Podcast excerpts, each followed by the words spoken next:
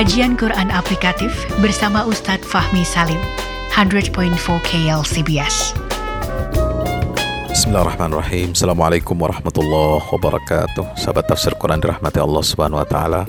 Mudah-mudahan kita senantiasa mendapatkan bimbingan, limpahan hidayah, limpahan keberkahan dalam menjalani kehidupan kita insya Allah. Kali ini akan meneruskan kajian tentang fitnah dunia yang ada dalam surah Al-Kahfi. Yang keempat adalah fitnah kekuasaan yang diwakili oleh kisah Zulkarnain. Siapa Zulkarnain? ulama berbeda pendapat. Ada yang berpendapat ya Alexander the Great dari Macedonia. Ada yang berpendapat juga dia adalah sosok ya raja kaisar Sirus yang agung dari Persia. Siapa sebenarnya sosok Misrs ini? Wallahu a'lam. Semua ulama punya argumentasi. Kita tidak penting untuk mengetahui siapa sesungguhnya sosok asli Zulkarnain ini. Setiap data sejarawan ya tinggal kita cocokkan apakah sesuai dengan keterangan Al-Quran atau tidak. Kalau tidak sesuai, ya kita tolak.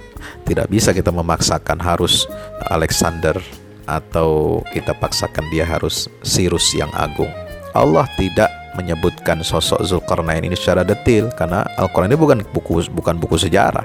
Ya, bukan buku tentang data kependudukan seperti halnya data KTP kita ya lahir di mana, tanggal berapa, tahun berapa, alamatnya di mana, ya berapa tinggi badan kita, agama kita apa, alamatnya di mana, nggak ada. Quran ketika bicara tentang kisah sosok-sosok itu tidak didetilkan seperti halnya data KTP kita, ya.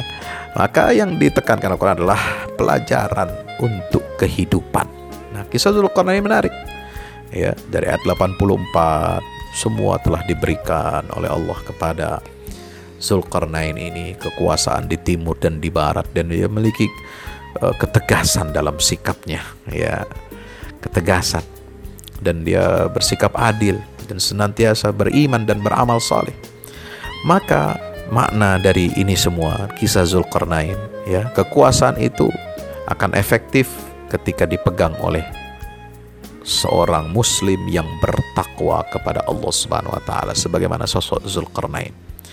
Yang kedua, kekuasaan ini harus jadi alat untuk kita menegakkan syariat Allah, menegakkan aturan-aturan Allah. Ya, kita berkuasa ini kekuasaan kita terbatas. Kekuasaan yang tidak terbatas itu hanya milik Allah.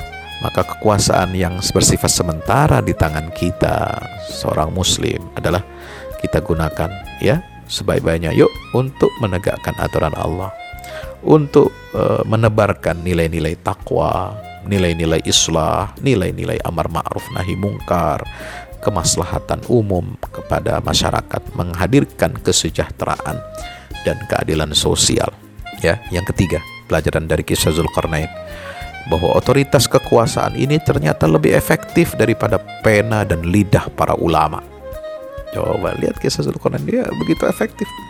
Dia bisa beramar ma'ruf, dia bisa nahi mungkar, dia bisa mengingatkan ini hanya dengan lisannya, dengan tanda tangannya. Dia bisa menyelesaikan banyak hal yang tidak bisa diselesaikan oleh para ulama. Ulama, umat, ya mungkin saja demo ribuan puluhan ribu orang. Tapi kalau tidak ada tanda tangan pemimpin tidak jadi. Ya tidak menjadi suatu ketetapan. Nah di sinilah ulil amri itu sangat penting ya. Kekuasaan itu adalah sebagai alat untuk kita beribadah kepada Allah. Maka pemimpin yang adil dan jujur itu adalah orang yang paling dekat tempatnya di sisi Allah al imamul adil imam yang adil ya. Dia nanti mendapatkan naungan ya di hari kiamat di mana tidak ada naungan selain naungannya Allah. Ini nomor satu itu imam yang adil penguasa yang adil yang bertakwa kepada Allah Subhanahu wa taala. Dan doanya tidak pernah ditolak oleh Allah. Satu di antara tiga golongan manusia yang doanya tidak tertolak adalah doanya pemimpin yang adil. Subhanallah. Sahabat tafsir dan rahmati Allah, apa solusi agar kita tidak ter ya terkena fitnah kekuasaan? Ya, Al-Qur'an menggambarkan pertama adalah kita harus ikhlas dalam beramal Pemimpin akan sukses menjalankan mandat dari rakyat dan syariat jika dia ikhlas. Orientasinya adalah untuk mencari ridha Allah dalam semua kebijakannya. Sebagaimana firman Allah, "Qul hal nunabbi'ukum bil akhsarina a'mala alladhina dhalla sa'yuhum fil hayatid dunya wa hum yahsabun wa hum yahsabuna annahum yuhsinuna sun'a." Maka itu supaya amal kita tidak hangus, tidak sia-sia, Padahal kita sudah mengira kita sudah berbuat baik, maka apa? Perbaiki keikhlasan amal kita. Jangan jadi amal kita itu menguap. Ya, kalau kita tidak berikh, tidak ikhlas dalam beramal, dalam mengambil kebijakan yang mendatangkan ridha Allah, maka itu tidak akan berguna nanti ya di hadapan Allah taala. Yang kedua, solusi menghadapi fitnah kekuasaan ini adalah dengan cara apa? Mengingat akhirat. Ya, setiap pemimpin harus mawas diri. Setiap pemimpin harus ingat akhirat. Ya.